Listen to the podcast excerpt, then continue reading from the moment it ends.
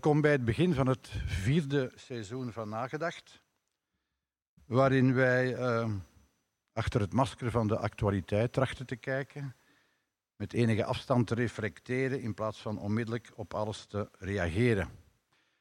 Onze twee gasten waren, voor de mensen die al een keer hier aanwezig waren, waren reeds vroeger te gast in onze Nagedacht.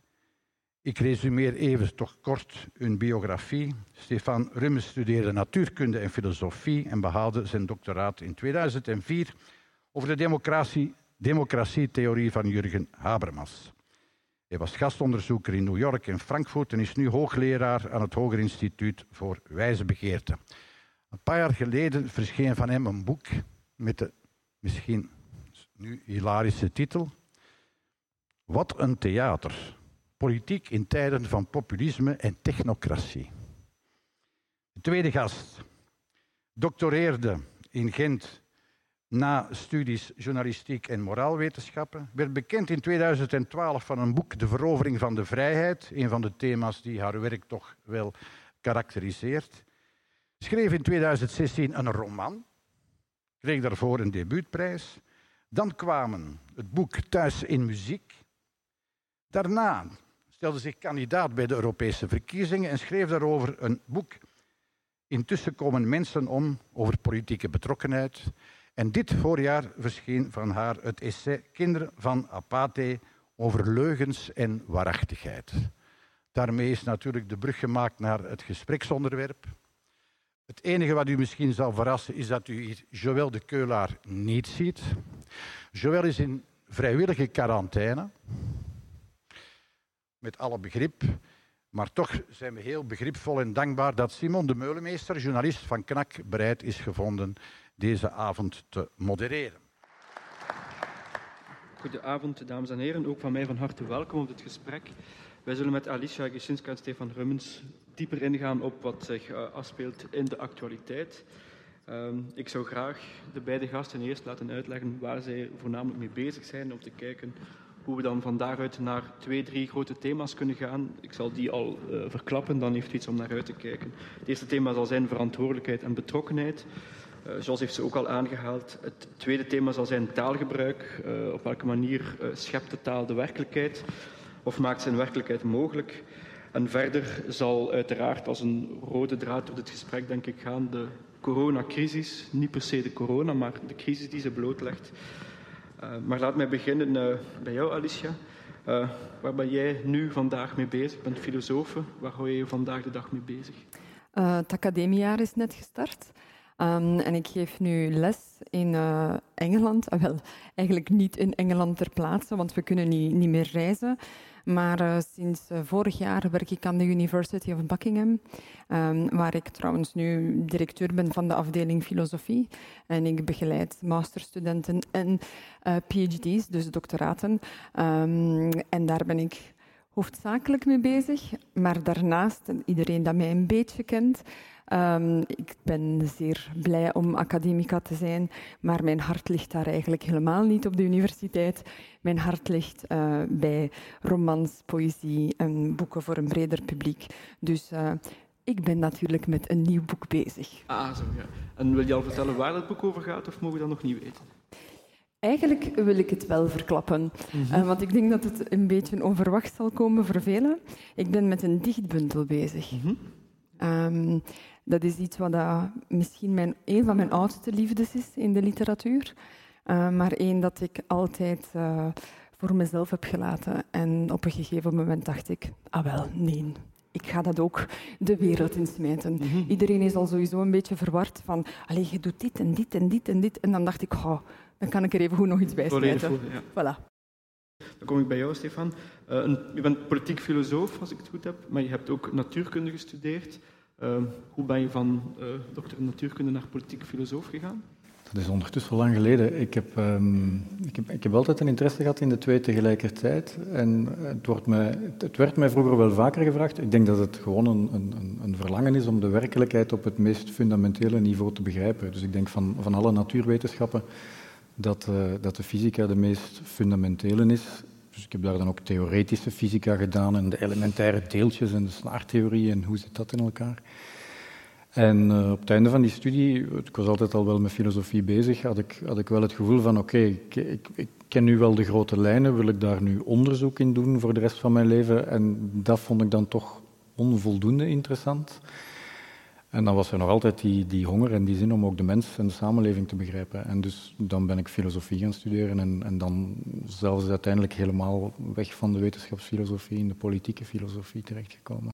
Uh, ik stel voor dat we dan ons eerste thema aansnijden, verantwoordelijkheid en betrokkenheid. Die twee hangen eigenlijk een beetje samen. Uh, toen wij dit gesprek voorbereiden, want wij hebben dat voorbereid, we zijn ernstige mensen, uh, hebben wij onder meer aangehaald uh, ministers die liegen of soepel omgaan met de waarheid of niet volledig de waarheid zeggen, of hoe zij dat ook allemaal noemen. we hebben de aanslepende formatie die nu in haar laatste rechte lijn te, lijkt te gaan. Nu, een rechte lijn kan nog ver doorgaan natuurlijk, maar goed. daarop plakken wij het thema van die verantwoordelijkheid. Ik, laat mij beginnen met een brede open vraag ministers die liegen of niet geheel de waarheid vertellen en een formatie die uh, eh, 5 à 500 dagen duurt, noopt ons tot de conclusie dat wij onverantwoordelijke politici hebben? U kijkt naar mij. Um, wel, ik zou beginnen met een analyse van onze woorden, want ik ga volledig akkoord met Stefan. Als je uitspraken wilt doen, moet je ook uh, weten, allez, moet je je termen uh, juist hanteren of daarover nadenken. Uh, ook al zie ik mezelf als een continentale filosoof, um, ben ik wel iemand die dat heel belangrijk vindt om je concepten ook scherp te stellen. Dat we mhm. niet naast elkaar gaan praten. En mijn laatste publicatie, Kinderen van Apathe, dat gaat over waarheid. Maar eigenlijk, het groot deel van het essay gaat over de leugen. Mm Definitie geven van de leugen. Want heel veel mensen denken dat ja, uh, waarheid en leugen, dat is het tegendeel van elkaar. als, als iemand niet de waarheid zegt, dan is die meteen aan het liegen. En dus in dat boekje probeer ik heel mooi een anatomie van de leugen te geven en, en aan te tonen, stap voor stap, dat dat niet het geval is. Dat iemand um, niet de waarheid spreekt, wat we dan de wetenschappelijke waarheid of niet volgens de feiten, maar niet noodzakelijk liegt. Dat om te kunnen spreken van een leugen, moet, je ook, moet de spreker die een uitspraak doet ook uh, weten, beseffen dat hij aan het liegen is, dat het niet de waarheid aan het vertellen is. Mhm. Stel, ik zeg de aarde is plat. Um, en ik denk dat die echt plat is, want ik ben opgevoed in een klein dorpje in Amerika, weet ik veel. Ik heb alleen maar uh, platte gronden, allee, uh, kaarten gezien en mijn ouders zeggen dat, mijn leerkrachten zeggen dat. En ik ga naar buiten en ik zeg, mensen, de aarde is plat. Op dat moment is die persoon niet aan het liegen, maar die is duidelijk wel foute informatie aan het vertellen. Mhm. Om te liegen moet je ook overtuigd zijn van, ik weet eigenlijk dat de aarde rond is, maar ik ga toch aan mensen zeggen, die is plat. En dan uh, kun je zeggen dat het een leugen is.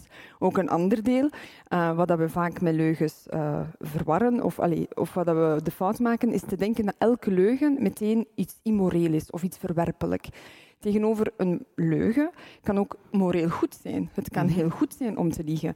Stel dat de Gestapo voor uw deur staat, of uh, weet ik veel wat dan nu de communisten waren, of, of, de nazi's, of wie dan ook, en ze willen vragen van uh, waar verstoppen zich Joden? En je weet het, maar je zegt van, ik weet het niet, hè, misschien dat iemand anders het weet, en je zet het er, allez, op het slechte been of je probeert om te zeilen, je zegt niet de waarheid, dan is dat iets goed. Dus als we dan naar onze ministers gaan, want dat is het vaak in onze, in onze context, we denken meteen een leugen, dat is iets verschrikkelijk. En ook um, van, van, uh, dat is direct botst met de waarheid of de wetenschap. Nu, terug naar uw vraag van de ministers, moeten we kijken welke uitspraak, waar hebben we het over? Dan moeten we weten, is dat effectief een leugen? Uh, was die persoon uh, op dat moment een uitspraak aan het doen om te misleiden? Wat was de bedoeling van die misleiding? Uh, enzovoort, enzovoort. Om dan echt te weten, ja, die is verantwoordelijk geweest of niet verantwoordelijkheid, verantwoordelijk, zijn verantwoordelijkheid genomen. Dus dat is eigenlijk een zeer complexe vraag. En ik voel me niet geroepen om meteen te zeggen, alle ministers die dit zeggen, die zijn direct fout mhm. of hebben een probleem. Maar dit alles gezegd zijnde, vind ik het wel zeer problematisch dat heel veel ministers foute informatie bewust verspreiden. Dus bewust liegen mhm. of bewust verdragen, verdraaien of gewoon te weinig kennis van sommige zaken hebben. Um, want als je, ik weet niet, klein bent en je bent acht jaar en je denkt de aarde is plat, dan kunnen we daar nog aan werken. Maar bepaalde dingen niet weten als minister is zeer problematisch. Um, en onwetendheid um, dat leg ik dan ook in het boekje uit, botst ook met de waarheid om een duur. Dus dat je ook de plicht hebt om u te informeren, en zeker in bepaalde functies. Nu heb ik een hele omweg gezet, maar eigenlijk de vraag niet beantwoord. Over naar jou, Stefan. Uh, ik wil, denk ik, de, de zaak een beetje complexer maken. In die zin, de titel van mijn boek is Wat een theater. Dus ik, ik verdedig wel het idee van politiek als theater. Mm En dan stelt zich de vraag naar de waarheid natuurlijk, want dat wil zeggen dat die metafoor impliceert dat politici acteurs zijn ook. Ja. En ik vind het tot op zekere hoogte legitiem dat ehm, politici acteren. Ik denk dat dat eigenlijk bijna niet anders kan. Dus zij, zij, zij staan voor een bepaalde ideologische positie, zij staan voor een bepaalde visie op de samenleving en zij moeten die ook uitdragen. En dat is geen excuus om te beginnen liegen, maar, maar het betekent wel dat daar ook een vorm van retoriek kan meespelen, of dat betekent ook dat je bepaalde argumenten willens en wetens soms enigszins eenzijdig presenteert. Mhm. ja? Dat het jouw taak is als politicus die een bepaalde ideologie uitdraagt om inderdaad bepaalde aspecten van een probleem te benadrukken in wat dat je zegt, terwijl je eigenlijk heel goed weet dat er ook tegenargumenten zijn, dat er heel veel nuances zijn, maar dat is niet jouw taak op dat moment. Of, mhm. of, het kan jou niet aangevreven worden als politicus dat je op dat moment een relatief eenzijdig verhaal brengt. Mhm. Want de complexiteit van het verhaal moet eigenlijk naar boven komen voor de kiezer, net uit de interactie van die verschillende politici, die elk hun eigen kant van een verhaal belichten. Ja. Mhm. Maar dat maakt natuurlijk dat dat, dat dat evenwicht, of dat die grens, dat dat, dat moeilijk wordt en, en dat politici daar dan natuurlijk soms over gaan. Hè? Van, mhm. van een verhaal vertellen of een bepaalde positie innemen vanuit een bepaalde ideologische positie, fair enough. Bepaalde dingen minder benadrukken, fair enough. Actief beginnen liegen over feiten is dan natuurlijk niet meer oké, maar je voelt dat die grens soms, soms wat vaag is. Mhm. En dus dat vergt eigenlijk heel veel van politici. En dus daar vind ik ook dat onze generatie politici heel vaak zichzelf veel te gemakkelijk maakt. En, en dat ze die rol onvoldoende opnemen om daar wel die grens te blijven bewaken. Mhm. Ja, je mag je eigen verhaal brengen, je eigen visie brengen. Dat betekent een bepaalde kleuring van een, van een verhaal. Maar je mag niet, niet beginnen liegen in de mhm. zin van echt beginnen manipuleren om. Mm Dus uh, herinner u, er is heisa geweest rond een uitspraak van Jan Jan Bon, die zei dat hij het verhaal had gehoord dat mensen met kindergeld eh, een huis konden kopen. En dan zei de fractieleider van NVA, Wilfried van Dalen, zei, ja, dat is in het vuur van het betoog, een beetje wat, wat jij nu zegt. Mm. En hij zei dan ook, ja, voor de achterban hoeft uw uitspraak niet wetenschappelijk 100% correct te zijn. Vind je dat dat dan klopt wat hij daar zei? Zelf vind ik dat er dan over, omdat dat, omdat dat ja, er was dan één geval, bleek waar, met heel veel trekken en sleuren, dat het misschien... Hè, maar dan, dan ben je, omdat verhaal dat je dan aan het brengen, bent, eigenlijk ook echt wel haak staat op, op de realiteit. Mhm. Ik bedoel, het gaat niet om bedragen die dat, dat toelaten. Dus dan ben je eigenlijk één feit echt aan het manipuleren in. Maar nogmaals, ik, ik ben het ermee eens dat die grens soms, soms dun is. Mhm. Dus in die zin, gelukkig is politiek ook woord en wederwoord. Er staat geen enkele acteur alleen op het podium. Dat is mhm. essentieel in een democratie. Het is geen monoloog, dat mag het nooit zijn. Mhm. Dus dat is de beste garantie in zekere zin die we hebben, dat we dat, we dat wel onder controle houden, of dat we daar de grenzen van wel blijven bewaken. Alicia, ben je het eens met Stefan dat een politicus een zekere mate van overdrijving mag gebruiken, of dat hij, dat hij hem of haar niet kan aanwrijven, niet het volledige plaatje te schetsen? Ik denk dat dat niet enkel voor politici geldt, maar voor iedereen in de samenleving. Als je kinderen opvoedt, gaat je ook bepaalde zaken uh, overdrijven. Uh, iedereen slaapt al, nu moet je gaan slapen. Dat is, we weten allemaal dat niet alle kinderen al slapen, maar je zegt dat dan omdat je een goede ouder wilt zijn, je kind goede een, een nachtrust gunt enzovoort. Dus uh, er zijn dingen die je kan zeggen um, die perfect kunnen. En ik denk in de politiek, en ik, ik, volg het verhaal van Stefan zeker, van dat je sommige dingen kan meer in het licht zetten, waardoor dat je ergens wel kort door de bocht gaat en dat je dat weet. Um, en daar is niks mis mee. Waar het wel problematisch wordt, vind ik één, als de politicus kort door de bocht gaat en het eigenlijk ook zelf niet meer weet, dat hem zelf al in die simplisme gelooft en dat hem eigenlijk, ja, niet meer de nuances snapt van de werkelijkheid uh, en de complexiteit. Um, en uh, twee, als je echt het gebruikt om te manipuleren. Mm -hmm. En ik denk in het voorbeeld dat je hebt gegeven van uh, ze pakken hier allemaal ons pensioen af en ze, pakken, ze kunnen allemaal dingen, huizen kopen met uw belastingsgeld dat is niet zo onschuldig. Dat is mhm. echt al praat, omdat je eigenlijk al met het doel hebt om mensen boos te maken, om, om, een soort uh, afkeer te creëren, zodat mensen zich afzetten tegen een andere groep van mensen. En dat is gevaarlijk. Wel, dat hoor je tegenwoordig wel vaak. Um, dat ook het publiek blijkbaar, eh, jij zegt net, de, de grens wordt ver, verlegd door deze generatie politici. Uh, ik denk dat dat klopt.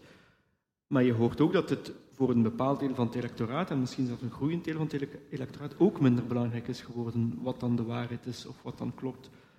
Um, als ik even mag blijven hangen bij de figuur van Jan Bon, omdat hij daar nu de laatste tijd mee in de, in de aandacht stond. Uh, over hem zijn nog wel slangen in knak. Ja, die, die affaire Chovanek gaat hem niet beschadigen. Voor zijn publiek maakt het eigenlijk niet echt uit of hij nu iets vergeten is, of het wel wist of gelogen heeft of niet. Is dat iets wat jullie ook denken? Of dat, dat er een groter deel van het electoraat of van de burger waarheid minder belangrijk acht dan vroeger? Ik, ik, ik, vrees er een beetje voor, ja. Dus ik, denk dat het zichzelf ook wel kan versterken. Ik vrees dat we een beetje, we zijn nog niet in Amerikaanse toestanden, maar dat je wel een beetje in die logica terechtkomt, waarbij dat het politici eh, hoe langer hoe meer bereid zijn om in naam van hun eigen verhaal, maar daarbij heel polariserend uh, te werken, en dat eigen verhaal inderdaad op die polariserende, antagoniserende manier beginnen brengen, die aanslaat bij de kiezer. En dus wat dat betreft zijn um, kiezers daar, daar zit een zekere verantwoordelijkheid van de kiezer, ongetwijfeld. Ik bedoel, ik denk dat alle spelers daarin, daarin een bepaalde verantwoordelijkheid dragen. En jammer genoeg is er dus geen, uh, er is geen enkele manier om te garanderen dat dat niet fout loopt. Mm -hmm. Habermas, rond wie, dat ik, mm wie dat ik veel, rond wie dat ik veel gewerkt heb, benadrukt dat op een gegeven moment, kijk, een, een, democratie kan maar werken als er een voldoende sterke democratische cultuur blijft bestaan in een samenleving. En er is niks dat je kan doen om dat af te dwingen. Dus je kan welke wetten dat je ook verzint, of hoe dat je de, de democratische instituties ook organiseert, je hebt nooit de garantie dat die democratische cultuur intact blijft. Die is fundamenteel kwetsbaar. Mm -hmm. En het is, het is van dat, dat moeten we heel goed blijven, blijven beseffen. En dat is een verantwoordelijkheid van iedereen, dus zeker ook van die politici, net omdat ze met dat soort uitlatingen uh, die, die over de schreef gaan, dat ze die democratische cultuur beschadigen. Want dus, mm. Ik kwam er daar net zo niet op toen je de vraag stelde, maar wat is er ook zo, zo, zo problematisch aan, aan Jan Bon zijn uitspraak? Niet alleen die over het kindergeld, maar ook destijds over na de aanslagen. Hè, ze staan te dansen op straat. Hè, ze staan te dansen op straat in Brussel. Dat is een, een polariserend verhaal, waarbij dat je bepaalde mensen in een bepaalde hoek duwt en waarbij dat je een deel van de bevolking wil opzetten tegen een ander deel van de bevolking. En dat is nu net een van de wezenlijke dingen van de democratie, is dat we ondanks onze meningsverschillen elkaar wel blijven respecteren. Mhm. En dus op het moment dat je in jouw discours als politicus die grens niet meer respecteert, dat je van je oneenigheid die inhoudelijk kan zijn. Dat je daar ook een soort, um, ja, uh, zonder respect voor de tegenstander, de ander in een, in een hoek duwt, mensen tegen elkaar begint op te zeggen, dan ga je in tegen wat, wat de basis zou moeten zijn van die democratische cultuur. Dus dan begin je heel gevaarlijk spel te spelen. En ik denk als we kijken naar Amerika, ja, die zitten een heel aantal stappen verder in dat proces, waarbij dat je hoe langer hoe meer daar twee groepen hebt die tegenover elkaar staan, die niet meer naar elkaar luisteren, geloven, die geen enkel respect meer voor elkaar tonen, totaal gepolariseerde samenleving, hè, die elk gelooft in, in, in een soort eigen waarheid. En dus die kwetsbaarheid is er gewoon. Dus, dus net mhm. daarom dat het zo belangrijk is dat, dat die politici die verantwoordelijkheid opnemen. Mm dat doet er mij aan denken aan die, je zegt een uh, democratische uh, cultuur. Ik heb het ook over democratische hygiëne gehad de laatste tijd. Um, ik, ik, moest daaraan denken toen uh, de, de, hashtag gelanceerd werd, niet mijn regering. Uh, ik geloof dat die door het Vlaams Belang is gelanceerd. En dat groepeert dan de mensen die niet, uh, die niet tevreden zijn dat er eventueel een Vivaldi-regering komt. Um, is zo'n hashtag als niet mijn regering, is dat in de kern een beetje antidemocratisch of ondemocratisch? Want ja, een regering die gevormd wordt, die een meerderheid heeft in het land, ja, is uw regering of je dat nu wil of niet? Je kan natuurlijk discussiëren, ik heb ervoor gekozen of niet. Maar is het eigenlijk onsportief, zal ik dan maar zeggen, om niet te hoog van de toren te blazen, om te zeggen, ja, dit is niet mijn regering. Moet je dat niet gewoon aanvaarden? Hetzelfde geldt voor Amerika, waar ze zeggen, not my president over, over Donald Trump. Is dat, een, is dat bijvoorbeeld democratische cultuur? Wel, niet mijn regering vind ik op zich niet problematisch, omdat je mag wel degelijk oppositie mm voeren en zeggen, dit is niet mijn regering, ik wil er eigenlijk een andere. Wat ik problematischer vond, bijvoorbeeld, Bart Wever heeft destijds ook gezegd van, uh, ik erken Di Rupo niet als premier van dit land. Mhm. Dat was toen ook al omdat die regering geen meerderheid had aan, aan, aan Nederlandstalige kant. Terwijl dat helemaal niet in de grondwet staat, dat dat een vereiste is, en zo verder enzovoort. En dat vind ik wel problematisch, omdat je dan jezelf buiten de democratische procedures aan het zetten bent. En dat je mhm. eigenlijk zegt van, spelen dat spel, we zijn het oneens, er zijn procedures, en eigenlijk in een democratie moet je die wel blijven respecteren. Je mag er naar streven om die procedures te veranderen, daar gaat het niet over. Mhm. Maar zolang de procedures niet veranderd zijn, is dit wel het spel dat we spelen, en, en moet je daar in zekere zin de legitimiteit van herkennen. op het moment dat je dan zegt van jij bent niet legitiem als, dat is iets anders dan zeggen van ik heb liever een andere regering of ik heb liever een andere premier. Dan, zet je, dan stel je echt de spelregels zelf in vraag. Ja. En dat is problematisch. Hè? Want dus samen met het respect voor de tegenstander, dat respect voor de tegenstander dat je moet tonen in een democratie, dat toon je net ook door de procedures te erkennen. Mm -hmm. Het meest extreme voorbeeld op dit moment is Donald Trump, hè, die, die botweg aankondigt dat hij de uitslag van de verkiezingen hij zal nog wel zien of hij ze gaat aanvaarden, maar het dreigt er eigenlijk openlijk mee van dat niet te doen. Dan, dat is het einde van de democratie. Mhm. dat is, uh, en dus voor zover Bart Wever en het Vlaams Belang bij momenten daar ook mee flirten, vind ik dat effectief problematisch. Mm -hmm. Wil je daar nog iets over zeggen, Oh ja, nu, ja, ik ga er uh, mee akkoord. Ik denk gewoon dat het terug een heel moeilijke... Uh, het is onmogelijk eigenlijk om te antwoorden, die tweet is ondemocratisch of uh, niet mijn regering of niet mijn president. Het is ook hoe dat je er naar leeft. Het is dat, het is dat moet ik fragiel evenwicht dat we altijd moeten zoeken. En bijvoorbeeld niet mijn president. Als iemand zegt van ik heb Trump niet graag, het is niet mijn president, geen probleem. Zit je in het leger en er komt een president en je moet u naar je moet ja, uh, mm -hmm. beginnen uh, je, je, functie opnemen, dan is dat op dat moment de verkozen is je president. Daarom denk ik, uh, als Trump zegt van ja, ik zou wel zien of dat ik, of dat ik ga allez, aftreden of dat ik, wat ja. ik ga doen. De meeste Amerikanen, het leger en zo, is zodanig gedrild vanaf dat er een president ja, de verkiezingen wint, dan blijven die trouw aan de president. Ook al is dat niet hun keuze, niet hun president, niet wie dat zij willen. Maar je, dat is het uh, spel. Dat zijn de spellegers, dus ze gaan trouw zijn aan de president. Daarmee dat ik zelfs denk, moest Trump zeggen van ik wil in het Witte Huis blijven. Normaal gezien, ik zou echt verbaasd zijn, omdat die zo gedrild zijn dat vanaf dat er een president wint, dan gaan zij, ook al is het niet hun president, niet hun keuze, zouden ze dat trouw uh, aan de nieuwe president mm -hmm. of aan de verkozenen, uh, ja, die gaan ze dus, beschermen. Dus jij zegt, je hebt daar vertrouwen in het Amerikaans leger. In dat geval, Joe Biden heeft dat ook gezegd. Hij zegt, ja, als Trump wil blijven zitten, heb ik vertrouwen in het leger. Uh, dat is wat jij ook zegt, dat het ik Amerikaans zou, leger... Ik zou daar verbaasd om zijn, want er zijn twee dingen. Het is anders om te zeggen als mens, als, ik weet niet, Mm -hmm. het is niet mijn president, en anders in een functie. Ja. En, en uh, daar moeten we altijd naar kijken. Zegt je, het is niet mijn... Ik herken Elio Di Rupo niet. Als wij dat zeggen tegen elkaar, van zeg, dat is wel niet mijn, uh, mijn keuze, is één ding. Okay, gaan we ja. daar beginnen in een bepaalde functie, zeggen van, wij gaan niet luisteren naar wat hij, wat hij zegt, dan is dat nog iets totaal anders. Um, dus inderdaad, Bart de Wever, die zo een uitspraak doet, is totaal iets anders als uh, een gewone burger, een uh, gewone als- burger dat zou doen. Dus een tweet door uh, iemand die verkozen is, of een tweet door een journalist of een tweet door iemand en passant, dat, is, dat, kan, dat kan je niet zomaar Mhm, ja. gelijkstellen Ja, wat allemaal. je daarnet ook zegt over de leugen, moet je ook altijd kijken eh, wie doet ze, met welke intentie. eh, dat is altijd, Ja, wat is eh, daar het gevolg ja. van? En inderdaad, ehm, de spelregels van een democratie worden niet enkel door de politici in stand gehouden en moeten niet enkel door hen gerespecteerd worden, maar door heel veel actoren. mhm. Ehm, Mhm. Nu, het feit dat je dit jaar een boek hebt gemaakt over, over waarheid en leugen, eh, ja, ik zou kunnen vragen waarom heb je dat gedaan, maar het is eigenlijk redelijk evident. Is dat omdat je vindt dat vandaag waarheid, en leugen, eh, eh, waarheid onder druk zet en de leugen steeds meer regeert? Of dat het relevanter is geworden om dat onderscheid nog eens duidelijk te maken?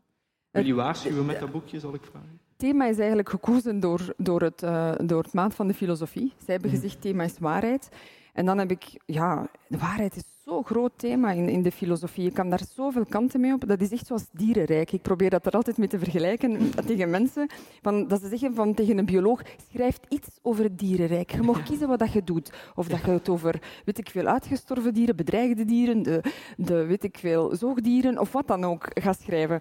Dus je kunt niet alles in een zeer dun boekje plaatsen. Maar toen ik met collega-filosofen daarover sprak en ik zei van, ik moet hier iets over waarheid zeggen, zei iedereen, ah ja, ja, omdat we in post-truth-tijden, uh, post-waarheidstijden leven, dat is daarmee dat dat nu een belangrijk thema is. Dat is omdat politici liegen, dat is omdat de kranten niet meer objectief zijn, uh, de media zijn problematisch geworden. En, dan, en het is altijd die leugen regeert. En iedereen had het maar over de leugen. En dan dacht ik, ik wil eigenlijk een anatomie van de leugen. Terug mhm. analyse, kijken, wat is dan nu de leugen? En is dat nu meteen ehm, de andere kant van de waarheid? Mhm. En wat moeten we doen als de waarheid uh, voor ons belangrijk is? Waarom is die waarheid belangrijk? Hoe moeten we dan leven?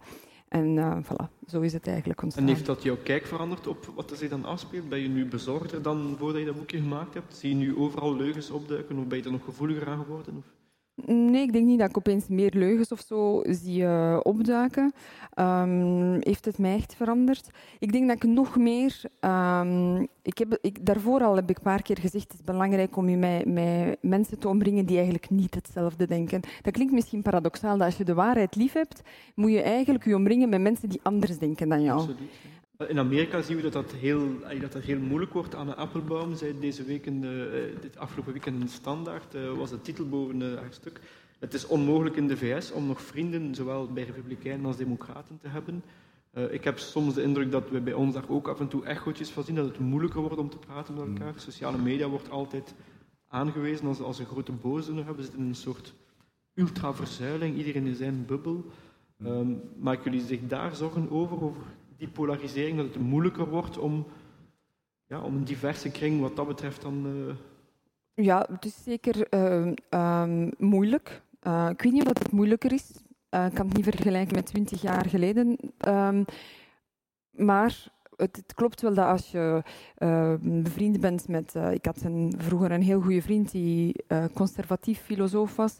En hoe mensen dan direct jou precies... Precies wat een ziekte is, de nieuwe virus. Van, oh, dan ben je zoals hij. Um, en dat, dat, verbaast, dat verbaast me gewoon. Ik snap dat eigenlijk niet zo goed niet meer. Um, en ik heb ook gemerkt hoe die vriendschap dan mensen hun beeld op mij heeft veranderd. En ik door, door daar bewust van te zijn, probeer ik mezelf af te vragen van waarom denk ik zo over iemand? Heb ik zelf niet dingen? Ben ik soms zelf niet voor ingenomen? Eigenlijk moet je ook jezelf durven constant in vraag te stellen. En als mensen tegen mij zeggen, ja, maar ja, je hebt het gemakkelijk, je reist de wereld rond, je kunt vrienden maken links, rechts en alle politieke kleuren of verschillende levensbeschouwingen, want dat is ook iets dat we niet mogen vergeten. Uh, ik zit in mijn bubbel, dan niet de coronabubbel, maar je hebt dan je, je werk en, en je mhm. familie en je vrienden en je woont in een bepaalde straat. En dan zeg ik altijd boeken. Eh, inderdaad, je kunt niet altijd je collega's kiezen. Maar wat dat je leest, dat kies je wel. Heb je bepaalde overtuigingen, wel lees dan mensen die andere overtuigingen hebben. Um, het is Murakami die, die heeft gezegd, als je enkel leest wat andere mensen lezen, zal je enkel denken wat andere mensen denken. En voor ons filosofen is dat verschrikkelijk. Moesten we denken wat de andere mensen denken. Dus als wij verfrissend willen denken, dan moeten wij juist constant omarmen met mensen die echt anders denken dan wij. En dat vraagt effectief en actief op zoek gaan naar mensen met wie je van mening verschilt. Um, dat, is, dat is voor mij echt een wezenlijk onderdeel van, van wie ik nu als mens ben. Niet alleen als filosoof, maar als mens. Mm. Dat ik in mijn vriendenkring echt mensen heb met verschillende levensbeschouwingen, met verschillende politieke kleuren. En eigenlijk merk je dat soms de verschillen niet eens zo groot zijn als het op de grote dingen. Als je echt van een goed mens bent en je hebt het goed voor met je medemens um, en je wilt echt een betere maatschappij, dan maakt het bijna niet meer zoveel uit of dat je groen of blauw of oranje of wat dan ook bent. Dan zie je, die mensen vinden wel een consensus, ondanks de verschillen. Die gaan niet hetzelfde beginnen denken, maar die gaan wel zoiets hebben, oké, dat is de weg vooruit. Of oké, dat moeten we doen. Of ah, dat is interessant. Het is pas als je niet meer de mensen van goede wil bent, dan gaat het uh, uh, moeilijker of dan verloopt het, mhm. de conversaties moeilijker. Dat doet mij denken aan wat Amos Oz ooit gezegd heeft, de, de, de overleden Israëlische schrijver. Hij zei dat het een... Een misvatting is van de Europeanen om te denken dat elk meningsverschil kan uitgesproken worden. Dus ik begrijp wat je zegt, inderdaad heel vaak door te praten met iemand met wie van mening verschilt, besef je, eigenlijk valt het wel mee. Maar anderzijds merk je soms ook op dat echt het fundamentele meningsverschil, dat we dat ook moeilijk kunnen verdragen. Dat we wel vaak zijn, ik ben tolerant, maar dat we eigenlijk heel vaak tolerant zijn voor, ja, voor onszelf. Ehm, Weet je wat het probleem is, als ik u mag onderbreken? Absoluut. Als iemand anders denkt dan wij, denken we heel snel, die heeft niet genoeg nagedacht. Dat is zo. Wij denken altijd, wij hebben genoeg nagedacht over dingen. En die is dom, die heeft niet genoeg nagedacht. En wij kunnen het heel moeilijk verkroppen dat iemand heel lang heeft nagedacht over iets. bijvoorbeeld over het populisme, of over abortus, of over van die moeilijke thema's. En die is tot gewoon een andere conclusie gekomen. Wij vinden dat zo aards moeilijk om te aanvaarden dat iemand gewoon anders naar het leven kijkt. Ik, interviewde een tijdje terug Rick Torst, die heeft een nieuw boek over de kerk. En de titel is De kerk is fantastisch. We hadden het ook over zijn geloof. En hij zei, ik vind het zo vreselijk als iemand aan mij vraagt, gelooft u nog? Dat is wat jij zegt, hè? dan is alsof, ja, ooit kom je er wel achter dat dat eigenlijk onnozel is om te geloven. En hij zei, ja, het is eigenlijk heel paternalistisch en eigenlijk onrespectvol om te verwachten van de ander, ja, ooit kom je wel op mijn standpunt uit als je maar genoeg nadenkt. Ja, ja. ja. En, Stefan, vind jij dan ook, merk je dat ook, dat we het eigenlijk echt heel moeilijk hebben, dan het zei, het is des mensen om, om, om tegenspraak eigenlijk te verdragen. Is dat iets dat je dan ook aan de universiteit voelt, dat het eigenlijk heel moeilijk is om echt gewoon het meningsverschil te omarmen en te zeggen, ja, die collega die denkt compleet het tegenovergestelde, maar kan best wel... Ik maak, mij, ik, ik, wou, ik maak er mij een beetje zorgen over. Ik merk bij een deel van onze jongere onderzoekers, bij de doctorandi, de, wij hebben last van de cancel culture. Hmm. Dus, dus het idee bij, bij een deel van, van de progressieve mensen en dus ook van de progressieve jeugd, van we gaan mensen beoordelen aan bepaalde standaarden die wij vanzelfsprekend vinden. En iedereen die daar tegenin gaat, hè, eh, is, is, is, onverantwoord en moet in zekere zin gecanceld worden. Dus ik heb nu jongere collega's die, die een lijst aan het opstellen waren van mensen die ze nooit wilden uitnodigen. En die eigenlijk van plan waren om die lijst op de website van van eh, de onderzoeksgroep te gaan publiceren van die en die hebben ooit transfobe uitspraken gedaan en dus gaan we die nooit, gaan we die nooit uitnodigen. Dat is verschrikkelijk en dat zijn academici. Bijzonder dus dat is, een, dat, is een, dat is een beperkte groep gelukkig, maar ik merk dat dat wel een soort, een soort eh, denken is dat, dat, dat toeneemt. En blijkbaar bij een generatie van millennials vooral. Mhm. En uh, als academicus maak ik mij daar zeer grote zorgen over. Ja. Dus Absoluut. Dat, is, dat, dat brengt een ander gevaar met zich mee. Dat en dat, ik herken dat heel goed, dat er dus een groep, of dat dan nu millennials of wie dan ook zijn, zo gefocust is op bepaalde uitspraken of bepaalde dit, en die wordt dan direct op een zwarte lijst gezet, dat het belangrijker wordt wat je gezegd hebt ooit, dan hoe je eigenlijk als mens bent. Mm Daar wordt eigenlijk niet meer naar gekeken. Dan kunnen soms heel goede mensen, die het echt goed voor hebben met, uh, met de wereld, echt op een zwarte lijst komen door een uitspraak die uit de context wordt gehaald of anders geïnterpreteerd of wat dan ook. En mensen die dan weten hoe dat ze die jargon moeten gebruiken, dat zijn soms klootzakken. Mhm. Maar zij, kunnen goed met die taal omgaan. En die kunnen mhm. dan overal weg. Dat is, dat is een, een zeer gevaar die je eigenlijk al ziet. Dat is niet, dat is niet een, een hypothetisch gevaar, dat is er, dat is er alleen. Wat, wat, het is interessant, die cancel culture, dus het willen uh, op zwijgen opleggen eigenlijk van iedereen die niet volledig jouw mening toegedaan is. Dat, dat, daar komt het op neer. Uh, dat is wel opmerkelijk dat je dat inderdaad vooral op de linkerzijde ziet. Je ziet daar wel een soort dat is voor mij de radicalisering die je op links ziet, want je ziet aan beide kanten de mm. radicalisering. Die op rechts is redelijk aanwezig, zoals Appelbaum ook zei, eh, van, die heeft ook enkele regeringen in handen, dat maakt ze heel gevaarlijk. In Amerika ze in het Witte Huis. Maar die radicalisering op links, die, die is dan eerder een soort culturele radicalisering inderdaad. En dan grote iconen van die progressieve beweging worden er ook slachtoffer van. J.K. Rowling, de auteur van Harry Potter mm. bijvoorbeeld. Ja, die... Uh, mijn vrouw zei mij onlangs dat er op Facebook opgeroepen werd uh, dat mensen zeiden, ja, we moeten oproepen om de boeken van J.K. Rowling uit de bibliotheken te halen, alleen op specifieke aanvraag, niet meer in de boekhandel. En als er nog een boek van Harry Potter verkocht wordt, dan moet dat gaan naar een, uh, een organisatie die zich bezighoudt met uh, gender equality. ik vind dat bijzonder griezelig. Ik vind dat dat heel hard lijkt op wat, allee, wat Orwell heeft geschreven in, in 1984, wat ook gewoon wat dictaturen gewoon gedaan hebben. Maar hoe hebben jullie daar een verklaring voor? Hoe dan eigenlijk ter linkerzijde of ter progressieve zijde, zal ik dat maar zeggen, eigenlijk zo een bekrompenheid kan, kan bestaan. Dat eigenlijk haaks op wat progressiviteit Ja, we zijn het minder geworden. rechts heeft een veel langere traditie, denk ik, in het uitmaken van, uh, van, van progressieve voor cultuurmarxisten. En, en, en ook het, uh, dus, dus, dus in die zin is het, is het misschien wat nieuw aan die kant, maar inderdaad, het maakt deel uit van, van, die, van die polarisering, waarbij mensen zich beginnen op, opsluiten in, in, die, in die eigen bubbel. En ik, ik weet het niet goed, dus ik, elke keer als ik, als ik met mijn collega's communicatiewetenschappers spreek, dan vraag ik naar de laatste stand van zaken van hoe zit het nu met die bubbels op social media? Heeft dat nu een effect op hoe mensen politiek, politiek denken? En de berichtgeving was tot voor kort redelijk geruststellend van nee, want ze luisteren ook nog naar mainstream nieuws en kranten en dus worden ze daar toch nog geconfronteerd met. Maar de laatste keer maakte mijn collega zich toch zorgen over de jongste generatie, omdat hij zei van ja, maar die, die, die kijken of luisteren of lezen geen mainstream media niet meer. Dus hij maakte zich vooral zorgen over diegenen die enkel nog op de social media zaten. Dus, dus van, zolang je nog, van zolang je nog geconfronteerd wordt met, met een krant, met het journaal, of dan, dan komt er nog wel, wel iets binnen van andere kanten. Maar je kan effectief, en er is een generatie aan het ontstaan, misschien, ik weet het niet, ik hoop van niet, die, die enkel nog in die social media, in die eigen bubbel zit. En dus dan krijg je inderdaad, vrees ik, toch dat soort polarisering, dat soort radicalisering van dit, is, dit zijn mijn feiten en dat zijn alternatieve feiten waar ik het niet mee eens ben. Um, want dat is, want dat is je hebt er denk ik in een van je opiniestukken ook op gewezen, Alicia, op, op het grootste gevaar waar, dat we, dat we mee zitten, is, dat, is zelfs niet eens zozeer de leugen, maar grootste gevaar is dat we, dat we het onderscheid tussen waarheid en leugen niet meer ernstig nemen. Ja. Dat, we, dat we zelfs zeggen van, ja, leugen is gewoon een alternatief feit. Dat is nog erger. Ja. Want, dan, want dan zijn we de waarheid kwijt. En als je de waarheid kwijt bent, ja, dan, dan ben je ook elk redelijk debat kwijt. Ik bedoel, dan wordt het gewoon een confrontatie van een volstrekt irrationele confrontatie van mensen die geloven in hun eigen. Mm. En dat is, ja, ik denk dat we in Amerika daar, daarvoor, daar ver in gevorderd zijn. ja. En dus ik, ik, hoop dat we dat hier kunnen afhouden, want dat, is, mhm. dat, is, dat is echt het gevaar, dat is echt een groot gevaar voor de democratie.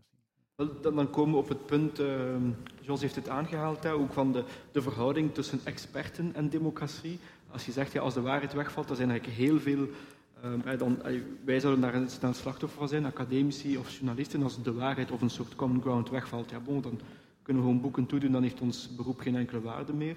Ehm, op vandaag zie je dat die verhouding tussen expert ehm, en democratie op scherp komt te stellen door, door de coronacrisis, maar eerder ook al door de klimaatcrisis. dus daar zou ik graag met jullie over hebben. vandaag, ik zal uh, als aanleiding nemen Patrick Looberg, die heeft vandaag een opiniestuk op uh, knak.be geschreven. En uh, hij zei, experts worden op dit moment politiek strategisch ingezet om beleid te legitimeren. Dus dan heeft hij het over de virologen die inderdaad de, de, afgelopen weken, maanden kosten nog moeite hebben gedaan. En ik bedoel dat niet op een negatieve manier, om het, om het, beleid uit te leggen. Die zaten heel, alle dagen was het eigenlijk uh, een viroloog in, in, de televisiestudio's, in de kranten en zo en zo verder. Uh, hebben jullie ook het gevoel dat, het, dat er daar iets is doorgestaan, dat die experts gebruikt zijn geworden om een, om een beleid te legitimeren? of dat ze gebruikt worden om een beleid te legitimeren. Ik denk dat. Kijk, virologen zijn in deze pandemie zeer belangrijk. Hè? Daar, daar, dat leidt geen twijfel. En ik denk ook dat de pandemie is, heeft bepaalde dingen die er al aanwezig waren scherper gesteld of duidelijker gemaakt. En enerzijds is het zeer goed hè, dat virologen in de media komen, dat ze in het nieuws zijn kunnen komen, dat ze zoveel uh, aandacht hebben gekregen. Ehm, dat, zij, dat zij dingen kunnen toelichten. Um, en dat er ook een herwaardering is ontstaan voor hun expertise, voor expertise tout court. Dat is, dus, dat is allemaal zeer positief. Waar ik moeite mee had, Ehm, vooral in het begin had ik daar heel veel last van, is je hebt een viroloog en die kan nu de virus uitleggen, die kan u uitleggen dat dat evolueert. Die, weten het ook, die wisten het ook en ze weten het ook nu nog altijd niet allemaal. Ze zijn ook maar aan het ontdekken en aan het doen, bijna, bijna, bijna live wetenschappelijk onderzoek aan het doen. Hè. En van alle landen als ze uh, data binnenkregen. En ik denk dat, dat ook die crisis, of doordat we zoveel experten zien, toont dat eigenlijk ook aan. Je, je mocht het aan de wetenschap vragen. Het is niet dat alle virologen hetzelfde zeggen, hetzelfde denken of hetzelfde uh, beleid zouden willen zien uh, geïmplementeerd worden. En dan heb je de politiek, die eigenlijk, dat zijn de volksvertegenwoordigers die verkozen zijn om uh, dan uiteindelijk te zeggen dat, is, dat gaan we doen. Dat zijn de beleidsmaatregelen. En ik had een beetje moeite soms dat de virologen begonnen de beleidsmaatregelen uit te leggen. Ik bedoel, dan had ik zoiets van, wacht even, maar dat wil ik eigenlijk van de minister Volksgezondheid horen. Dat is niet meer de taak van een viroloog. De viroloog weet alles van zijn virus, maar het is eigenlijk aan, aan, aan uh, dan de politiek om andere zaken uit te leggen. En dat is heel troebel geworden. Mm -hmm. um, soms. En ook wat dat er wel is, ja, en dat, ja, dan zijn er ook politici geweest, maar ook journalisten. Dat is een fout die van alle kanten is ontstaan en soms ook door wetenschappers mij met dankbaarheid aangenomen. Alsof als de wetenschapper het zegt, dan is het waar. Mhm. En als het politicus het zegt, dan is het misschien onwaar. Precies of dat de waarheid in de handen van de virologen of, of uh, wetenschappers ligt en de politiek die zijn maar wat, met wat aan het prutsen. En dat is ook een heel mhm. schadelijke tweedeling, omdat die ook gewoon niet klopt. Nee. Um, dus er zijn, ja, dat, dat, dat, ik zo, dat vond ik problematisch. Um, Maar er zijn daar dus heel veel positieve aspecten aan, aan ja. de expertise die nu duidelijk gevraagd wordt. En in, eigenlijk wordt er te weinig expertise gevraagd, want soms is het veel te nauw op het virus gefocust. Tegenover hey, een samenleving is niet enkel een virus. Mm Maar als we ons enkel focussen op, op één virus, dan stel dat we zouden zeggen, we gaan eigenlijk de statistiek kijken naar kanker. Als we kanker naar beneden halen, dan mag het ten koste van alles gaan. Ja. Dat, dat, doen we niet. dus waarom doen we, hoe gaan we dan met die virus om? Waarom is die virus zo belangrijk? Uh, hoe zit het met andere zaken? Ondertussen hebben wij onderwijs en hebben we opvoeding, hebben we dat, dat weefsel waar dat we het mm. over hadden. Hoe houden we al die borden draaiende? Mhm. En ondertussen die virus erbij. En ik, dat was ook zo'n precies van enkel naar die virus kijken. En ja, natuurlijk gaat een viroloog, die natuurlijk met dat één statistiek, dat is voor hem het belangrijkste, die die statistiek naar beneden uh, halen, die gaat zoiets hebben, nee, nee, nee, nee, nee, paniek, paniek, paniek. We moeten dat en dat en dat doen. Tegenover een politicus, die veel meer aan zijn hoofd dan enkel... Ja, die moet, die moet alles kijken. Die moet, precies. Ja. En wij als... Um, publiek, als eigenlijk burger, zouden ook moeten weten dat dat zeer moeilijk is. Soms zijn wij eigenlijk lui en zeggen van, oh, ze kunnen het niet. Allee, waarom doen ze dat niet? Dan denk ik zo van, doe het dan niet. Allee, dat is gewoon zeer moeilijk. Als je die beslissing neemt, dan ga je dat en dat en dat als consequentie hebben. Mhm. Als je dat niet doet, dan ga je dat en dat en hebben. Eigenlijk moeten die constant nu tussen de pest en de cholera kiezen. Van, wat gaan we ze aandoen? Allee, um, onderwijs is belangrijk, dit is belangrijk. Dus uh, politiek is een moeilijke stil. Allee, dat wordt ook soms vergeten. Dat is eigenlijk zeer moeilijk. Ik zou het zeer moeilijk vinden. En dat zou een bescheidenheid moeten van de politici, van de virologen en ook van ons als burger. Dat wij zouden zeggen, het is eigenlijk zeer moeilijk. En elke beslissing die genomen wordt, gaat slachtoffers brengen. Mhm. En nu moeten we kijken, waar gaan we op inzetten? Wat is zeer belangrijk? Uh, en we kunnen naar andere landen kijken, maar dan tegelijkertijd, elk land is ook anders, heeft een andere demografie, heeft een andere economie, heeft allez, andere problemen, heeft een ander budget.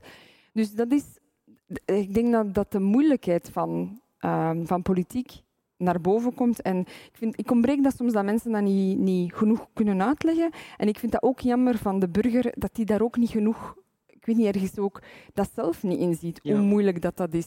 Scholen sluiten, ja, maar wat is daar de prijskaart van? En mhm. dan niet altijd met geld. Mhm. Ehm, ik vind het interessant wat je zegt, omdat het een beetje uh, contra-intuïtief is, ehm, of een beetje ingaat tegen de algemene sfeer. Van, uh, zoals Jos zei daarnet, uh, mensen haken af van de politiek, alle politici zijn zakkenvullers. Allee, die uitspraken vliegen rond de oren op sociale media, zelfs in de gewone media lees je dat, zelfs van verstandige mensen schrijven dat tegenwoordig.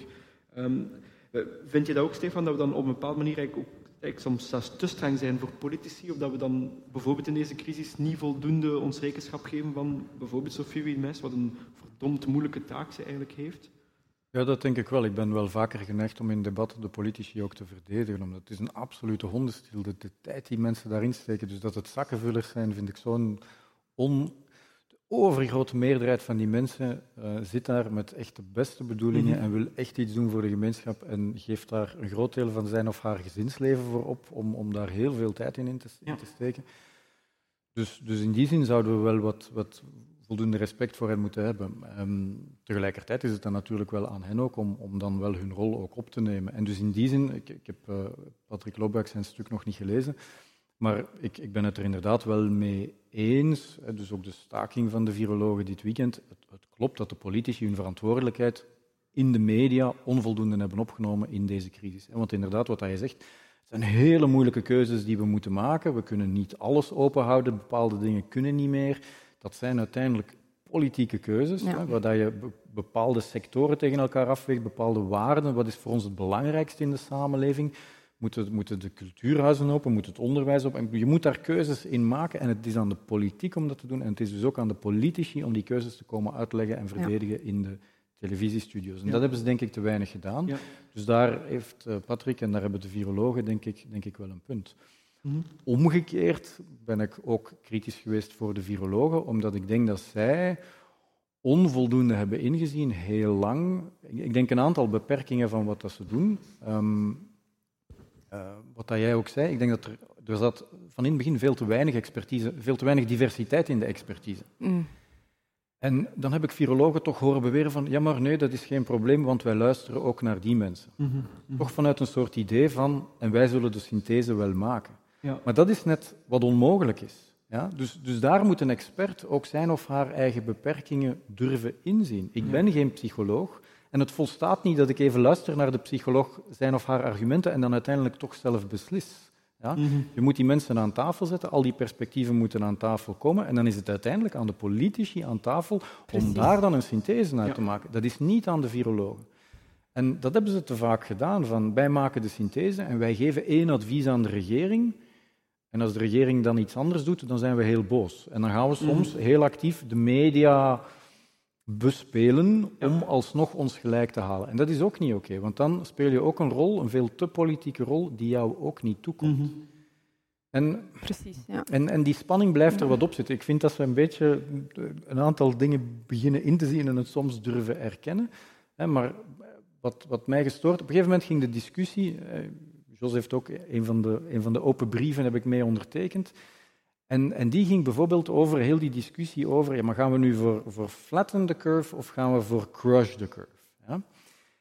En voor mij is dat uiteindelijk in laatste instantie een politieke beslissing. Mhm. Om die keuze te kunnen maken, moeten we zeer goed geïnformeerd worden over de, door de virologen en door al die andere experten. Van kijk, je hebt twee scenario's. Hè, een waarbij je echt zegt van we gaan voor een minimaal aan besmettingen, hè, zo weinig mogelijk totdat we daar raken. Of we gaan een bepaalde besmettingsgraad laten hè, bestaan. Twee verschillende scenario's. Virologen en andere experten moeten dat uittekenen, voor en na van elk van beide scenario's. Maar het is uiteindelijk aan de politici om te beslissen en om aan ons als burgers te komen uitleggen van kijk, we maken die keuze om die en die en die reden. Mhm. En ik denk dat de virologen te lang zelf die keuze hebben gemaakt. Het is volgens mij heel duidelijk dat tot voor de heropstoot in, in, in augustus dat de virologen heel duidelijk op de lijn zaten van crush the curve. En ze hebben dat eigenlijk ook toegegeven. Op een gegeven moment zijn ze dat beginnen uitleggen op websites, want het publiek begreep dat niet meer. Zijn ze dat echt beginnen uitleggen van kijk, je hebt crush the curve en je hebt dan uh, flatten the curve en dat zijn de voor- en nadelen. En dus moeten we dit doen. Ja. Maar onlangs, dit weekend, heb ik, vorige week, heb ik Niels Hens voor het eerst expliciet door toegegeven, ja, dat is eigenlijk een politieke keuze. Ja. Maar dat is ook een politieke keuze. Dus het was niet aan hen om, om dat ene advies in zekere zin toch proberen te pushen. Mhm. Dus ik denk dat de, er is van alles fout gelopen in die samenwerking tussen politici en experten. En, en, en ik, ik denk dat de beide kampen daar, daar fouten hebben in, in gemaakt. En, dat je, en voor mij is dat echt wel, echt wel belangrijk. De expertise is super essentieel. Ja, die moeten aan tafel en we moeten dat waarderen. Maar we moeten ook heel goed weten wat experten wel en niet kunnen. Ja? Dus zij kunnen verschillende analyses maken, wat als scenario's. Uh, en liefst moeten zij verschillende scenario's uittekenen. Als we dit doen, dan denken wij dat er dat gaat gebeuren. Als we dit doen, dan denken wij dat er dat gaat gebeuren, dat dat de kosten zijn, dat dat de... En dan is het aan politici om daartussen keuzes te maken. Omdat die keuzes uiteindelijk altijd waardebeladen zijn. Wat vinden we belangrijk? Waar geven we prioriteit aan? Hoeveel zieken in de ziekenhuizen willen we aanvaarden? Hoeveel doden willen we aanvaarden? En het is te gemakkelijk om dan te zeggen van oh, we willen natuurlijk geen doden aanvaarden, want dat is niet juist. Met kanker doen we dat, met verkeersslachtoffers doen we dat. Er vallen elke dag opnieuw twee doden in het verkeer. Maar zelfs elementaire maatregelen als we gaan naar nul alcohol, of we gaan naar een alcoholslot, of we gaan naar dit, of we gaan de snelheid verder verlagen, zelfs dat is dan niet bespreekbaar. Ja? Maar dat gaat wel degelijk over twee doden per dag. Absoluut. Ja? Dus dat is ook wat mij een beetje stoorde, van, van we doen alsof dit nu iets is wat we nog nooit hebben meegemaakt, dat we beslissingen moeten nemen over leven en dood, terwijl we dat voortdurend doen. De slotvraag die ik graag stel, ik heb die ooit al aan jou gezegd, uh, Alicia. Zijn jullie optimistisch of pessimistisch over de toekomst? Oef. Denk goed na, want jullie sturen dan de mensen daarmee naar huis natuurlijk. Hè, met dat ja, maar daar ook, is daar nu, ik denk dat daar, dat is een type voorbeeld van een vraag waar geen, geen ongenuanceerd antwoord op mogelijk is. Bepaalde, bepaalde ontwikkelingen maken mij zeer, zeer groot, maken mij zeer grote zorgen over. Andere dingen, denk ik, zijn, zijn minder, minder problematisch. Dus, ehm, en, en, ja, hoe verder dat je in de toekomst kijkt, hoe moeilijker het ook wordt om, om dan die twee nog uit elkaar te, te, te halen. Dus, ehm, dus ik, vind het wel, ik vind het wel jammer dat, dat als ik kijk naar, naar mijn kinderen, zijn jonge, jonge tieners, zij groeien echt wel op in een tijd waarin dat, dat, dat er heel veel negativiteit overheerst. Ja, dus, dus alles lijkt slecht te gaan. Het gaat slecht met het klimaat en, en zij identificeren zich natuurlijk met die schoolstakingen die daar geweest zijn. We hebben nu corona en, en alle economische impact die daarvan gaat, gaat komen. Ze zien ook Trump dingen doen waarvan hè, politiek systeem hapert. Dus ik hoop dat zij nog wel eens een tijd kunnen meemaken ook waarin, waarin die optimistischer is. Ik denk dat ik het geluk heb gehad dat ik, dat ik heb gestudeerd in de jaren negentig. Dat is, zo, dat is een, een beetje een optimistischer intermezzo geweest, weet je. De Koude Oorlog was, uh, was gedaan en, en het ging economisch uh, redelijk goed. Dus ik heb toen het gevoel gehad dat er een soort dynamiek was van er veranderen dingen in de wereld en het verandert ten goede. Hè. Er ontstaat mhm. nieuwe technologie en het internet wordt uitgevonden. Maar dat is dan redelijk snel geëindigd in 2000 met de, de dotcom-bubbel. De technologie lijkt toch niet te geven wat het is. Uh, we hebben 9-11 en plots slaat de sfeer om. Mhm. En, en uh, de beloftes van het eind van de Koude Oorlog worden niet zomaar waargemaakt. En, en je voelt dat het, dat het, dat het kantelt. Mhm. Ik denk, jaren 60 was ik er nog niet, maar ik denk dat dat zo'n optimistische periode is geweest. Ik denk dat de jaren 90 dat is geweest. En ik hoop eigenlijk voor mijn kinderen dat ze dat toch ook eens mogen meemaken, dat het niet decennia lang die druk gaat zijn van we slepen ons van de ene crisis naar de andere, economisch, ecologisch, politiek, want dat is wel een beetje het sfeertje dat er, dat er mm -hmm. hangt. En jij, Alicia? Uh, wat heb ik toen gezegd? Was ben je optimistisch of pessimistisch? Ah, wat, wat heb ik toen, gezegd? gezegd? Ja. Ik denk dat je een, eh, een redelijk hoopvolle boodschap hebt gebracht. Is het waar? Hm. Ja. dat is een jaar geleden. Zijn, uh, dat is een jaar geleden. Een jaar verder. Ja, um, ja voilà. ik, ik denk dat ik die vraag zo en zo kan antwoorden. Er zijn zaken dat ik zeer positief op ben en er zijn zaken waar ik negatiever op ben. Maar ik denk wat dat er uh, zeker is, ik, ik voel, en niet alleen voel, maar ik, we, hebben, we hebben het meegemaakt, hoe precair alles is. Mhm. ik denk niet dat we morgen direct een burgeroorlog gaan hebben. Ik denk niet meteen, uh, zoals ik ook niet meteen dacht dat er een virus ging komen overmaaien, maar je, sluit, je, er, je hebt daar films van gezien en je, daar, je wist dat dat kon gebeuren van die dingen.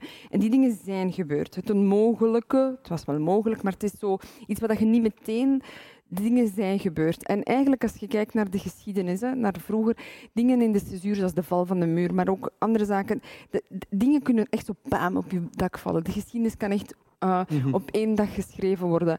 En dat is zo nu voelbaar voor ons allemaal. We hebben het nu allemaal meegemaakt. Op de een of andere dag is de geschiedenis geschreven geweest. En we leven in een toch een andere werkelijkheid. En meer zo van, hoe, welke nieuwe bommen gaan er nog vallen? En dat kunnen positieve dingen zijn, dat kunnen negatieve dingen zijn. Um, maar, dus ja, ik ben eigenlijk en niet positief en niet negatief, mhm. afhankelijk van wat ik, wat ik mij op een dag voel of wat ik waarschijnlijk meer um, tot mij komt van informatie, want dat wisselt ook. Hè. Um, maar ik denk, wat, dat, wat dat je daar juist vroeg, van, van, uh, het is voor jou ook een moeilijk evenwicht van, uh, uh, om, om de nuance te vinden in de zaken. En dat is iets, of dat we ons positief of negatief voelen, altijd die nuance proberen zoeken. Mm En ik ben al blij dat je zegt, voor mij als journalist is het moeilijk, want ik wil wel waarschuwen, maar ik wil niet te ver gaan. Dat maakt voor mij al een teken dat, dat, dat je een goede journalist bent. Dat je probeert te weten van, ah ja, ik, ik weet dat mijn woorden een impact hebben. Mm Dat ik kan over de schrijf gaan. Veel mensen zijn zich niet bewust van dat er een, dat er, dat er een kantelding bestaat, mhm, van, mhm. van dat je moet schipperen tussen zaken. En, en ik denk voor Stefan en voor mij en voor andere filosofen en voor andere en ook journalisten en, en goede politici, denk ik dat als we ons bewust zijn van dat, van dat precaire van die kanteldingen. Uh, dat het er wel toe doet hoe je spreekt. Dat het er wel toe doet dat je nuance brengt. Dat je wel over dingen moet mhm. nadenken. Dat je misschien niet te snel moet tweeten en schreeuwen. En als we die geest kunnen groter maken, ehm, het belang van die nuance, het belang van dat weefsel waar dat we het over spraken, dan denk ik als er genoeg mensen zijn die dat gaan inzien, dan ga ik wel altijd positief kunnen blijven. Fijn, voilà.